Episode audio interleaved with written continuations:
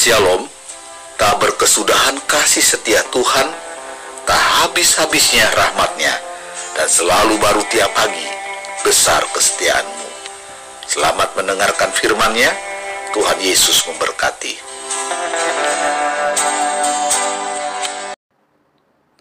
Salam. Apa kabar Bapak Ibu, Saudara yang dikasih oleh Tuhan? Saat ini saya Pendeta Samuel sharing kebenaran firman Tuhan yang saya ambil di dalam Mazmur 67 ayat 2, 3, 4 dan 5. Demikianlah kebenaran firman Tuhan itu Kiranya Allah mengasihi kita dan memberkati kita. Kiranya Ia menyinari kita dengan wajahnya, supaya jalanmu dikenal di bumi dan keselamatanmu di antara segala bangsa. Kiranya bangsa-bangsa bersyukur kepadamu, ya Allah. Kiranya bangsa-bangsa semua bersyukur kepadamu. Kiranya suku-suku bangsa bersuka cita dan bersorak-sorai sebab engkau memerintah bangsa-bangsa dengan adil dan menuntun suku-suku bangsa di atas bumi. Haleluya. Sahabat podcast GSJ Anyus yang dikasihi oleh Tuhan, Pagi hari ini atau saat ini saya beri tema judul kepastian Tuhan memberkati. Kalau berbicara mengenai berkat, setiap orang sangat ingin diberkati. Berkat menjadi salah satu topik khotbah yang paling disukai. Pasalnya perbincangan tentang berkat mampu menarik perhatian sehingga kadangkala fokus orang mengikuti atau persekutuan hanya untuk mengejar berkat.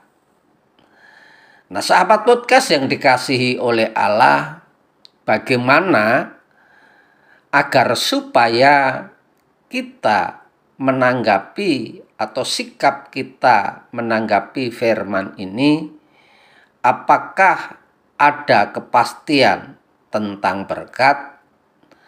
Tiga hal yang pertama, berkat Allah pasti jika kita sadar wajah Allah selalu memandang kita. Ayat yang kedua tadi Kiranya Allah mengasihi kita dan memberkati kita. Kiranya Ia menyinari kita dengan wajahnya. Sahabat podcast, kesadaran untuk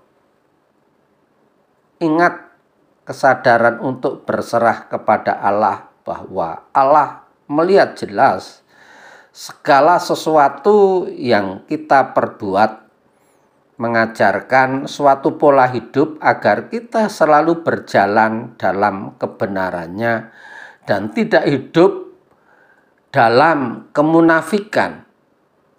Kita harus hidup dengan kejujuran.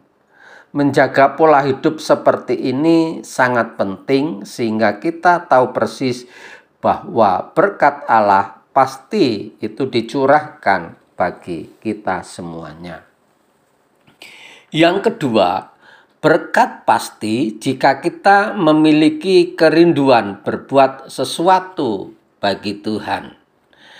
Ayat yang ketiga, supaya jalanmu dikenal di bumi, keselamatanmu di antara segala bangsa. Artinya, ada dorongan untuk melakukan segala sesuatu yang terbaik hanya bagi kemuliaan Tuhan bukan untuk kesombongan diri, apalagi untuk gagah-gagahan atau melakukan kenajisan yang menyebabkan hidup kita jatuh dalam dosa.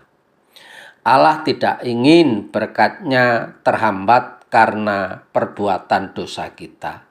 Jadi lakukanlah segala sesuatu untuk kemuliaan Tuhan agar supaya nama Tuhan ditinggikan dan kita membawa dampak di tengah-tengah masyarakat. Yang ketiga, berkat Allah pasti jika kita berjalan dalam tuntunan Tuhan. Ayat yang kelima kiranya suku-suku bangsa bersuka cita dan bersorak-sorai sebab engkau memerintah bangsa-bangsa dan adil dan menuntun suku-suku bangsa di atas bumi. Jadikanlah firman Tuhan sebagai pedoman atau tuntunan hidup Anda. Untuk itu, kita harus menundukkan diri di hadapannya, artinya jangan angkuh dan merasa paling kuat dan berkuasa. Apabila menyatakan kebenaran menurut kehendak diri sendiri, itulah yang tidak diingin oleh Tuhan, tetapi harus dengan hati yang tulus serta terus belajar memahami firman Tuhan sebagai dasar yang menuntun hidup kita. Selain itu, peliharalah hati kita dan miliki sukacita serta selalu bersyukur dalam segala perkara. Kiranya kita senantiasa mendapatkan keteguhan dalam iman sehingga kita mampu meraih berkat Tuhan yang sebenarnya. Apa pun kondisi dan keberadaan kita bukan menjadi alasan untuk mengingkari firman. Berkat Tuhan itu pasti meski kondisi yang kita hadapi menurut pemikiran kita tidak masuk akal. Jika Tuhan berkehendak untuk memberkati kita, maka segala sesuatunya pasti terjadi. Selamat beraktivitas. Tuhan Yesus memberkati. Tetap semangat.